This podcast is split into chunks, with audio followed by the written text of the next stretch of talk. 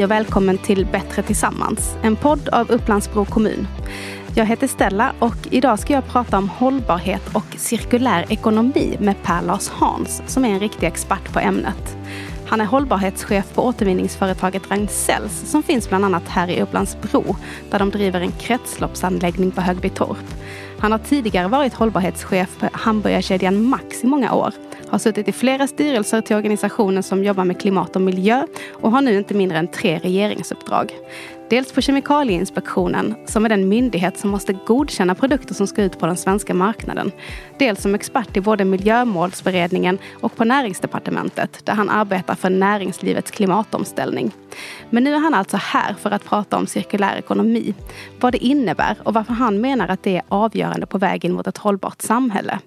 Men först, Ida Texell, du är kommundirektör här i Upplandsbro och har ju tidigare varit ledamot i Agenda 2030-delegationen som presenterade en statlig utredning om Agenda 2030 i Sverige. Berätta lite vad det är för någonting. Agenda 2030 är en ambitiös färdplan, ett ramverk som världens alla länder skrev under på 2015. Det var FN som ledde arbetet och färdplanen handlar om hur samtliga aktörer i världen behöver ställa om för att jordens resurser ska räcka på ett bra sätt. Det berör tre områden, social hållbarhet, miljömässig hållbarhet och ekonomisk hållbarhet. Men det handlar också om dig och mig och de val vi gör och i de beteenden vi faktiskt vidtar för att eh, själva ta ansvar i vår vardag. Så ett ambitiöst ramverk för förflyttning för världens bästa. Och eh, i en kommun, vad innebär det då? Hur kan Agenda 2030 påverka det kommunala arbetet? Agenda 2030 ska styra det kommunala arbetet. Agenda 2030 är det ramverk som kommuner behöver förhålla sig till om kommuner ska växa och frodas hållbart. Det vill säga kommuner har en avgörande roll i att realisera den färdplan som Sverige tog sig an i och med att man undertecknade det överenskommelsen som då FN stod för. Med andra ord, kommuner har en central roll i att i övergripande mål, i prioriteringar och i budget omsätta hållbarhet som en viktig röd tråd. Därav ett hållbart Upplands-Bro, kommuner som ger plats.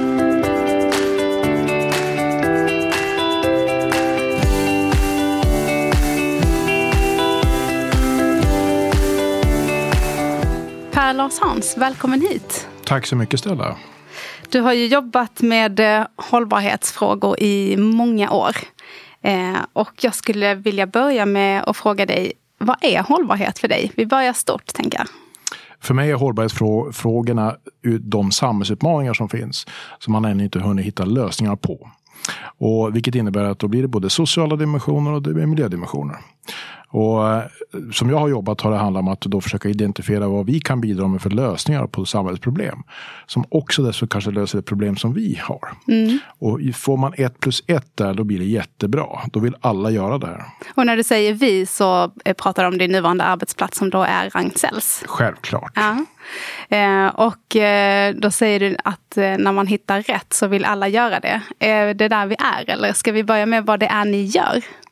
Ja, vi är ju då ett avfallsbehandlingsbolag eh, i den linjära ekonomin som vi idag befinner oss i. Men vi är på väg mot en cirkulär ekonomi och det är där vi nu är i transformationen. Vi inser ju själva att när avfall försvinner, när vi inte har kvar något sånt, då finns inte vi kvar om vi inte ändrar oss. Mm. Så just nu när du frågar vart är vi, vad gör vi? Så är vi just nu på att förbereda oss och försöka transformera både samhället och oss själva till en cirkulär ekonomi. Mm. Och man pratar ju ofta om det begreppet, cirkulär ekonomi. Eh, men om du skulle bryta ner det lite grann, vad är det för någonting? Jag skulle säga att det är ett helt nytt sätt att producera varor och tjänster. Eh, och där man sätter resursen i fokus. Man inte avfallet. Utan man tänker, okej, okay, hur, hur ska det här kunna leva så länge som möjligt? Och plötsligt måste jag bry mig om den här resursen nedströms. Jag måste titta efter vart den tar vägen. Och sen måste jag också försöka hitta så den hittar tillbaka till mig eller hittar rätt igen i en cirkulär sfär. Istället för att hamna på en soptipp då? Eller vad skulle liksom alternativet vara om man ja, tänker precis. bakåt i tiden? Och det är ju så. 1964 när vi, när vi startade Högbytorp här, som ligger i Upplandsbro, så var det en soptipp. Men eh, det som det är idag, det är ju en kretsloppsanläggning på väg att bli verkligen en materialbank i den cirkulära ekonomin en avgiftningscenter där vi tar bort saker och ting som vi inte vill ha kvar i samhället. Men framförallt lagra resurser vi vet vi kommer behöva imorgon. Så det är en, även om, om, om kullarna finns där så ska kullarna nyttjas på ett klokt sätt framöver. Okej, så ni, det, ni utvinner sådant som, eh, från sopor som faktiskt inte har en destination idag, kan man säga så? Men som kanske får det imorgon? I dagens system så är det linjärt, det vill säga man, man förväntar sig att vi ska lösa problemet. Man ska gö, gömma undan, ta bort de här sakerna, vi vill inte se dem. Eh, det vill säga det som kallas avfall. Men i en cirkulär ekonomi så har man designat det så att det är resurser. Och då har vi hittat några saker där vi är särskilt duktiga på att återföra resurser. Låt mig vara konkret då, här i Högbytorp. Vi har investerat nu 600 miljoner i en, i en kaliumfabrik eh, egentligen. Det vill säga vi kommer ur flygaska och flygaska det är alltså när man förbränner sopor. Den askan som åker upp i skorstenen kallas för flygaska. Okay. Och den innehåller massa salter. Och en av de salterna är kalium. Och kalium är ett av de näringsämnena vi behöver. Och det är första gången i världen man har lyckats lösa det här. Hur kan man separera ut de här resurserna ur den här askan? Och det sker här nu. Den byggs nu för fullt här på Högbytorp.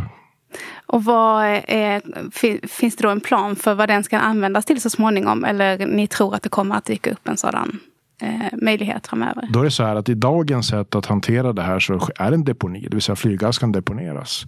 Så det finns redan en marknad här idag och eh, den här kommer att betjäna då Mälardalen. Så kraftvärmeanläggningarna som vi har runt omkring i Mälardalen behöver inte längre vara den linjära slutstationen utan de kan faktiskt vara den här knutpunkten där vi då återför resurser och kan fasa ut några av de tungmetaller som inte ska ha kvar längre i systemet. Och eh, vi möjliggör det då med vår fabrik här. Så sluta deponera, sluta transportera bort det här till, till deponi i framtiden utan se till att det cirkulerar runt. Mm.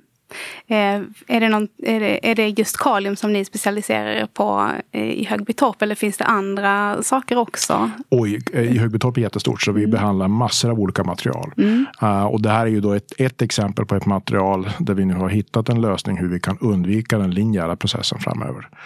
Eh, så att vi har allt från flytande avfall till alla möjliga typer av avfall som vi behandlar där och sen skickar vidare. Vissa hamnar på destruktion, måste fasas ut ur systemet. Men eh, många kan åter, återföras igen.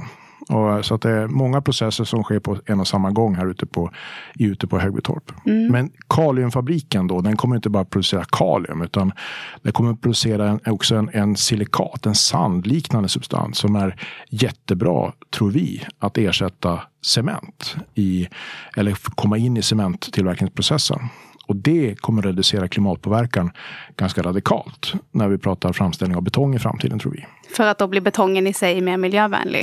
Ja, då är det så här att nu, nu blir det kemi då här. Och ja. då inser vi plötsligt att Ragn-Sells är på väg att bli en sån här kemiföretag. Men, men när man tittar på den substansen så är den, har den samma kemiska sammansättning i stort sett som Portland-cement. Som man då tillverkar och dagens betong av. Okay.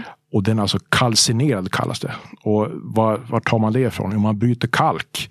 Och så får man driva ut, ur kalken driva ut koldioxiden. Vilket är en enorm klimatpåverkan. Men det är redan kalcinerat det här. Så att här har vi redan gjort den processen. Ja, man, halvfärdigt material istället. Precis, processat färdigt nästan. Nu krävs det några utvecklingssteg till ytterligare. Så att även om vi bygger fabriken så forskning och utvecklingen fortsätter. Du eh, pratar ju, det, det, är många ganska svåra ord och begrepp här eh, känner jag som inte är helt insatt i processen. Men det du började med att säga, för nu pratar du om eh, det ni jobbar med på Högbytorp torp och du började med att säga uh, cirkulär ekonomi och nämnde både produkter och tjänster. Mm. Eh, skulle du kunna förklara lite grann hur liksom, tjänstedelen skulle kunna se ut i en cirkulär ekonomi? Ja, vi ser ju då att dagens, dagens samhälle kommer cirkulera mer och mer runt städerna. Vi blir mer och mer urbaniserade, så man flyttar in i städerna mer. Så att, och det är städerna som kommer att konsumera, använda produkter. Och idag har vi ett sätt att jag köper en sak, jag använder den och sen kastar jag bort den. I framtiden kommer jag hyra den, jag kommer att dela den och framförallt kommer den att byta, bytas ut reservdelarna betydligt oftare.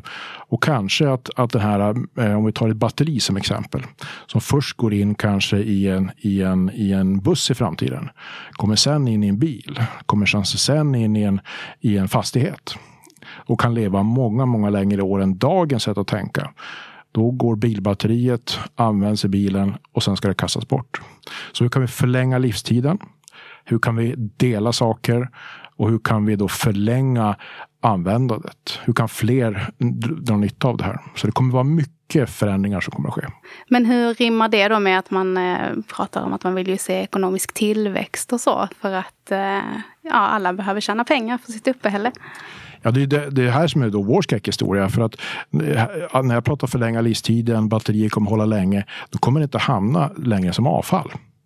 Men det är klart att vissa av de där processerna kommer behöva förädlingssteg där vi kan plötsligt göra skillnad. Och det, det exemplet som jag hade med där vi bygger en kaliumfabriken nu. Där ser vi ett flöde som kommer att finnas kvar lång tid framöver. Det vill säga de här askerna kommer att finnas. Och då har vi hittat system hur vi kan bli, som nu vi tycker då bäst i världen på att återföra resurserna. Så vi kommer att bli duktigare och större på vissa områden och andra områden kommer att upphöra. Mm. Så, blir det, så det hänger ihop också med, då låter det som, Eh, en massa nya typer av jobb som behöver komma? Absolut, eh, och det är det man förespår i en cirkulär ekonomi. Det vill säga när vi pratar tjänstesektorn så kommer någon behöva då se till att de här batterierna hamnar då från bussen till bilen, sen till en fastighet eller hur många steg man nu tar den. Och då kommer man behöva då göra så att de här batterierna är möjliga att förändra under resans gång. Och där kommer det komma väldigt mycket nya ny arbetskraft som exempel. Mm. Eh, men sen har vi hela tjänstesektorn, hur vi mer kommer att köpa tjänster än att själv, göra saker själv. Så tjänstesektorn kommer att öka. Vilka är då liksom de stora utmaningarna som du ser när det gäller den här eh, klimatomställningen i näringslivet? Hur ska vi ta oss fram till en cirkulär ekonomi? De största problemen som vi stöter på det är faktiskt lagstiftningen. Uh, och jag hade förmånen att intervjua Åsa Romson när hon slutade, eller slutade som miljöminister. Och jag frågade henne då, och jag visste ju om svaret själv, men jag ville höra det från en politiker som kunde tala sanningen. Eh, vilka lagar, eller vilken lag skulle du vilja ändra för att vi ska kunna kliva över i en cirkulär ekonomi? Hon tittade på mig rakt in i ögonen och så sa hon, vi behöver ändra alla lagar. Okay. Dagens system bygger på ett, ett linjärt tankesätt, tankesätt. Det är undvik avfall. Morgondagen måste bygga hur kan vi behålla resurserna så länge som möjligt och samtidigt fasa ut oönskade ämnen. Så det blir plötsligt en helt annan spelplan. Men vad, är det, vad kan det vara för slags lagstiftning som, som ställer sig i vägen för er idag på Ragn-Sells till exempel? Nu tar vi då kaliumet här som jag hade ja. som exempel. Ja, vi, kör, vi kör vidare på det för nu, har vi, nu är vi med på ja. den här biten. Kalium är ett näringsämne som ja. vi behöver innan vi producerar mat. Det vill säga fosfor, kalium och kväve, tre makronäringsämnen kallas det. Jordbruket behöver det, eller livsmedlet behöver det. Det här kaliumet som vi tar ut nu, det får vi inte återföra till jorden fast det är den högsta kvaliteten i världen. För dagens lagstiftning i Europa bygger på ett linjärt tänk och då är kvalitet underordnat ursprung. Har jag brutit däremot en gruva framställd jungfruligt, då är det fritt fram. Även om det innehåller orenheter. Så det paradoxala är att har det varit avfall, då får man inte använda det. Så vi kommer att behöva exportera det här till Kanada som det ser ut. Men vi kommer jobba för det här för att få då politikerna att förstå att vänta nu här, kvalitet måste ju komma före ursprung. För ni, eh, för ni är ju ganska mycket ute i debatten kan man ju se också på eh, företagets hemsida och, eh, och driver opinion. så. Ehm, jag menar, man skickar iväg det till Kanada säger du nu. Hur miljövänligt är det? Nej, helt riktigt. Alltså varför gå, gå över ån för att liksom hämta vatten? Så därför tycker vi det är en självklarhet att det här borde kunna stanna inom Europa eh, och kunna användas. Då. Men det är så det ser ut. Och vi måste ju då inspirera de här politikerna och det är därför vi är så synliga. Vi ser vad vi kan göra. Men vad är hönan och vad är ägget? Och då har vi sagt att men låt oss erbjuda då marknaden vad vi kan göra. Och då kommer marknaden säga okej, okay, det här vill vi ha, det är möjligt. Då vågar man kanske stifta en lagstiftning. Jag har ett sådant konkret exempel som en annan innovation som vi nu håller på att utveckla och det är att vi kan fånga kväve ur vatten. Och det har man gjort länge, men man gör det med hjälp av en biologisk metod. Det vill säga när kvävet är också en av de här makronäringsämnena. Då. Och då tar man kvävet och plockar ner det från luften med att bränna naturgas. Okay. Och sen tillverkar man gödsel av det. Mm. Och när det kommer in i maten så kommer det sen ut när man har ätit färdigt det. Och då hamnar det här i våra reningsverk. Och det är inte bra. Kväve vill man inte ha i vatten. Så då har man ganska strikta, krav på hur mycket kväve man ska plocka bort eller tillåts släppa ut i Östersjön. Nu vet vi utifrån det arbete jag har, den roll jag haft på, på miljödepartementet som i miljömålsberedningen att de kommande åren kommer världen bli mycket varmare.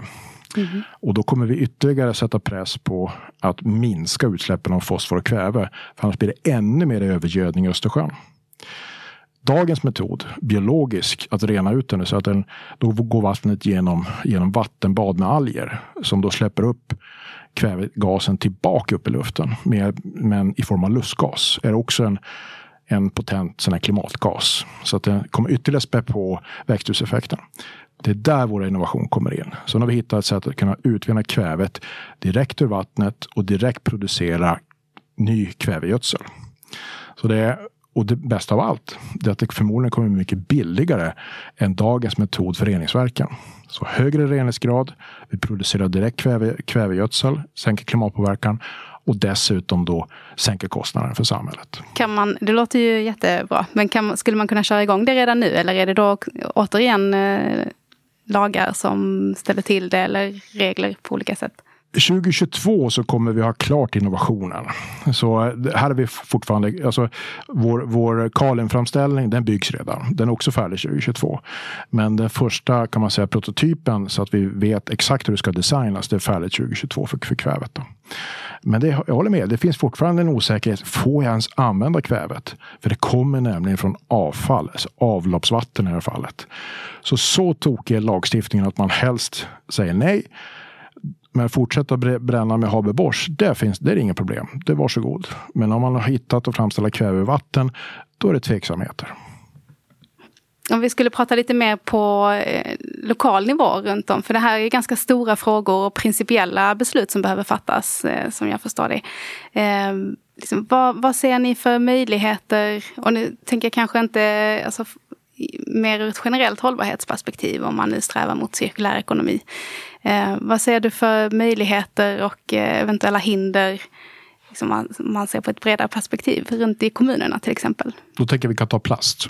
Mm. Det är ett sånt konkret exempel också som varje medborgare hanterar plast. Mm, inte lika mycket nu som de höjde priset då i plast, på plastpåsar. Inte plastpåsar inte, men, men vi, vi, vi har fortfarande mycket plast i mm. omloppet. Mm. Och här har vi en jätteutmaning. Då, att då har vi, vi är duktiga på att sortera.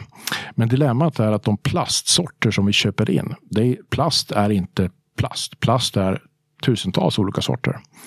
Så det bästa vi skulle kunna göra utifrån ett kommunperspektiv, det är att i, sina, i era inköp titta efter, okej, okay, kan vi minska antalet tillåtna sorter av plast?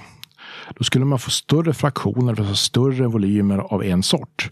Och plötsligt skulle värdet öka, för då skulle, vi kunna, då skulle det kunna bli materialåtervinning. Det vill användas till ny plast. Men i och med att det är så många sorters plast, och när man blandar dem så blir det inget bra. Det är, in, det är inte blandsaft här utan det blir, liksom, det blir ingenting. Det fungerar inte. Så man måste hålla det rent. Och då är medborgarens viktiga del, det vet man, det är att sortera. Men man måste redan inköpen tänk, tänka efter vilken typ av plast är jag sätter på marknaden. Så här skulle kommunmedborgarna kunna ställa frågan, vilken plast är det? Och gärna... Men vad kan det vara för typ av produkter då som du tänker på? Är det liksom yoghurthinkar, leksaker? Eh? Allt förpackningsmaterial. Mm. Du säger att du köper från ICA en, en, en färdig macka som exempel. Så är det inlindad i plast. Men plast är inte plast utan plast är olika sorter. Eh, så allt plast som finns, det ska vi behöva strama ner. Och då säger man att ja, det här går inte att göra på en kommun.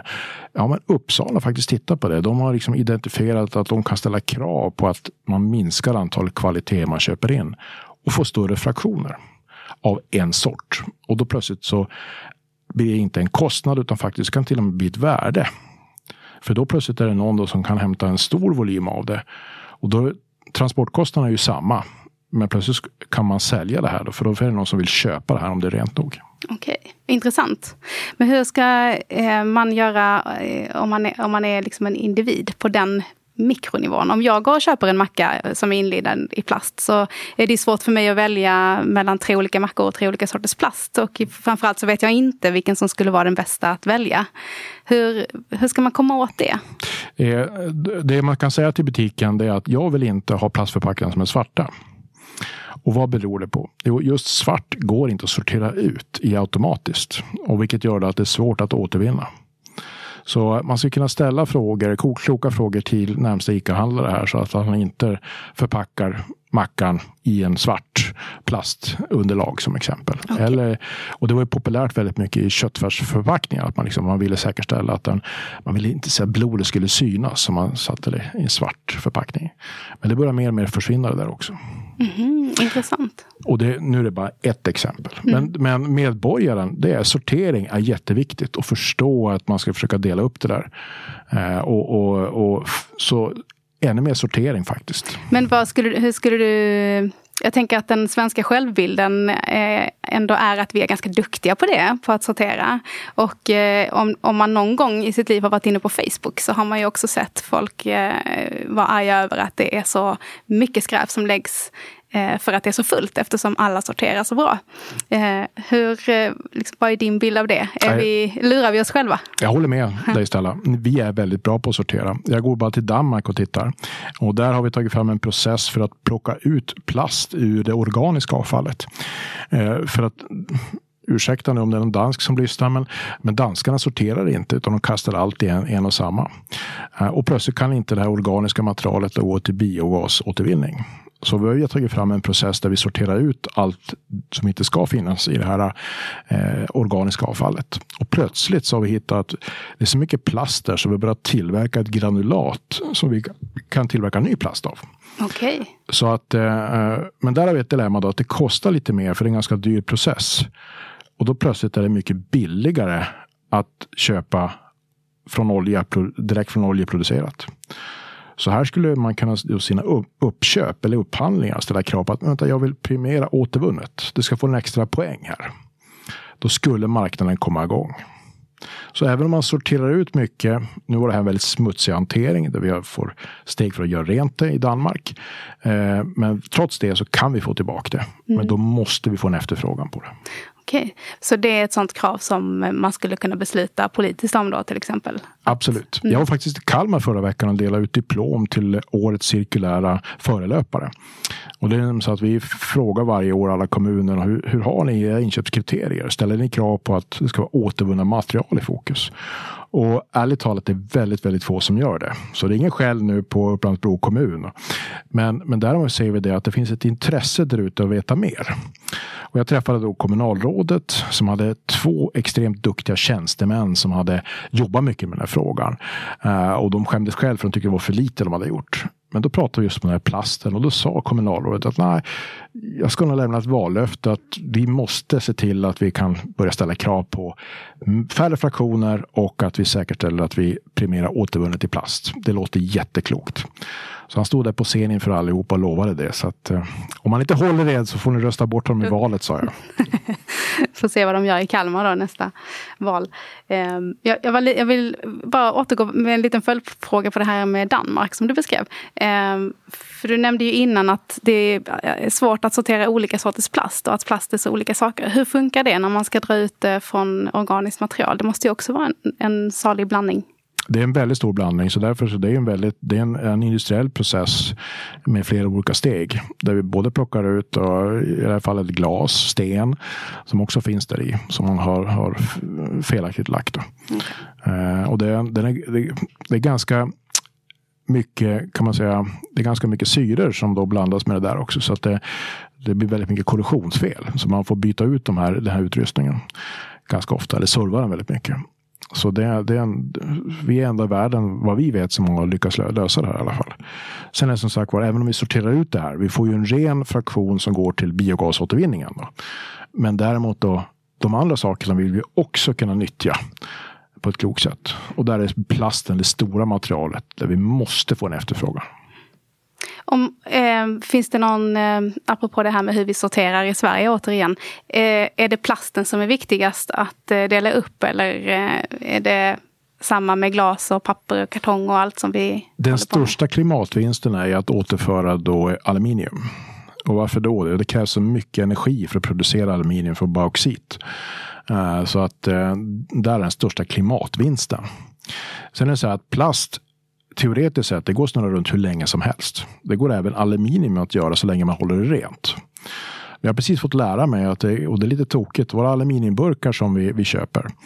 Eh, det tror man att det är av en sort, men det är två olika kvaliteter. Så locket har en kvalitet och burken en annan kvalitet. Mm. Så plötsligt så inser man att det här, det, när man då skickar tillbaka den i återvinningen så kommer då värdet på materialet att degraderas. Alltså det kommer att bli sämre.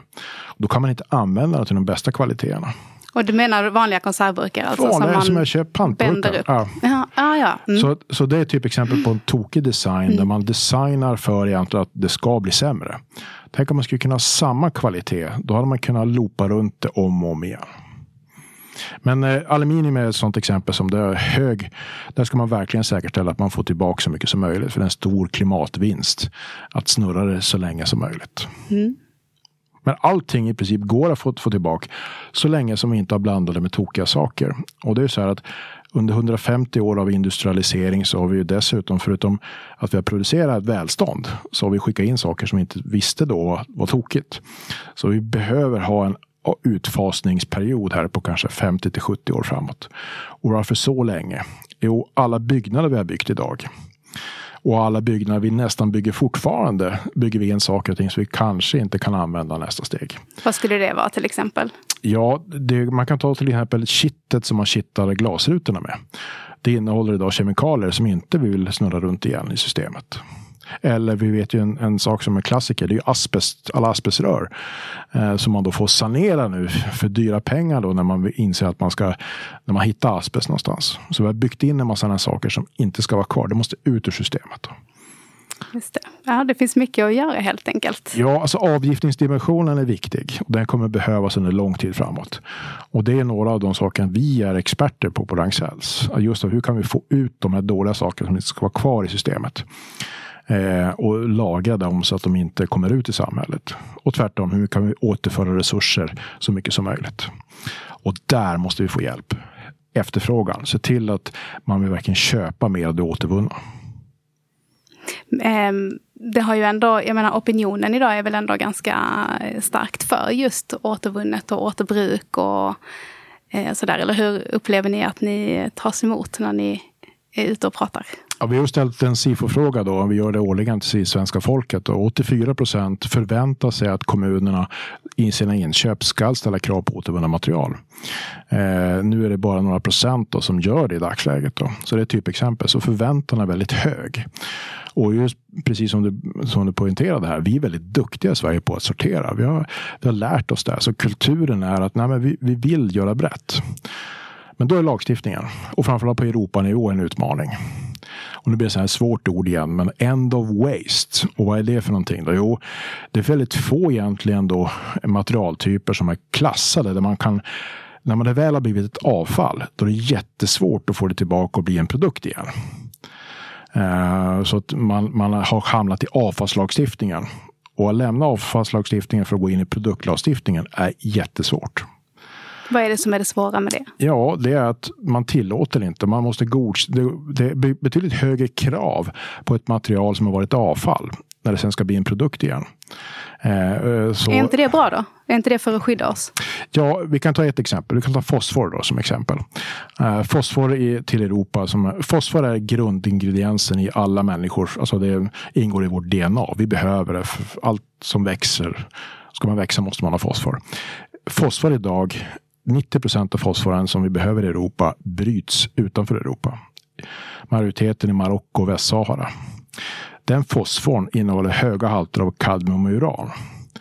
Och det är väldigt låga krav. Alltså man, får sprida, man får sprida väldigt mycket på Europas åkrar av den här, den här fosforn. Eh, vilket innebär att kadmiumet sen kommer in när man äter vegetarisk kost som exempel. Och det låter jättebra, jag ska äta vegetariskt har vi lärt oss här. Jo, men om det är odlat i Europa, på Europas åkrar med höga halter av kadmium, då kommer det komma in i människokroppen och ackumulera då i njuren. Och är man som jag är över 50 så är det ingen fara. Men om man är några år gammal, 5-10 år gammal och sen äter det under hela sin livstid. Då kommer risken för benskörhet och hjärt och kärlsjukdomar att öka kraftigt. Uh, äter jag däremot nötkött, vilket är paradoxalt, det ska vi inte göra, vi lärt oss. Ja, men då stannar det kadmiumet i njuren hos kossan. Mm -hmm. Så det blir som en renings... Ja. Och Livsmedelsverket har på sina hemsidor sagt, skrivit också det, att barn undvik vegetariskt eller framförallt vegansk kost av den anledningen också. Så att är det bra om vi tillåter jungfruligt? Nej, det är kvaliteten som ska avgöra. Nu har vi en process för att utvinna fosfor ur avloppsslam där vi får ut helt rent fosfor. Ingen, vi kan inte hitta kadmium i det i vår process. Men vi får inte, gissa nu. Använda det på svenska åkrar? Ja, exakt. Okay. Vi får inte använda Vad det i Europa. Idag, då? idag så finns inte den processen uppe. Vi, 2023 som det ser ut kommunicerade vi här för två veckor sedan. Så kommer vi att då ha den första fabriken uppe i Tyskland. Och vad beror det på att vi sätter Tyskland först? Då? Jo, i Tyskland har lagstiftarna ställt krav. För de har sett att vänta, den här fosfor är en av de här, en av de här grundämnena som vi har för lite av i Europa. Här vill vi värna den resursen. Så där har lagstiftarna ställt krav på att det här måste tillbaka. Och det är vår teknik då ledande i världen. Så då har vi kommit överens med ett företag som heter Gelsenwasser som har 30 procent av det tyska avloppsslammet. Att de vill använda vår, vår teknik. Och då, nu kämpar vi för att då få använda det här på ett klokt sätt. För det är högsta kvalitet det här. Det skulle gå alldeles utmärkt att använda som foderfosfat. Det vill säga man matar det här djuren med direkt. Okay. Men vi får inte. Nej, det blir, eh, får vi fortsätta följa här de närmsta åren då helt enkelt. Ja. Eh, vi är ju här i Upplandsbro. Vad kan du berätta om vad som händer den närmsta tiden här? Ja, sen eh, 15 år tillbaka så håller vi en, en, dag, en årlig dag som heter Framtidsdagen när vi tittar framåt. Och den sänds just från Upplandsbro varje år. Och där delar vi den senaste kunskapen om eh, forskning och utveckling. Och det är så att Ragnar Sellberg, grundaren av dagens bolag, han, han, på 90-talet så insåg han ju den här resan vi idag är inne i, att det här kommer att komma. Men han tyckte det var alldeles för lite forskning som gjordes på området. Så han tillsammans med bland annat Upplands-Bro kommun, KTH Eh, och SLU eh, stiftade då en, en stiftelse som heter Ragnar Kjellbergs stiftelse för miljöutveckling. Och varje år så delar man ut pengar till olika eh, forskningsprojekt och varje år redovisar man vad som har hänt. Och i år så kommer avgiftningen som en central roll i den cirkulära ekonomin att vara temat. Då. Så då kommer vi få så dela kunskap. Så att eh, gå in och titta på Framtidsdagen.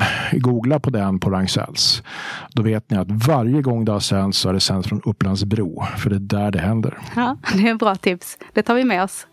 Eh, stort tack för att du kom hit och var med i Bättre Tillsammans. Tack så mycket Stella. Ni är jätteviktiga för oss ska ni veta här Upplandsbro och vi vill fortsätta växa med er.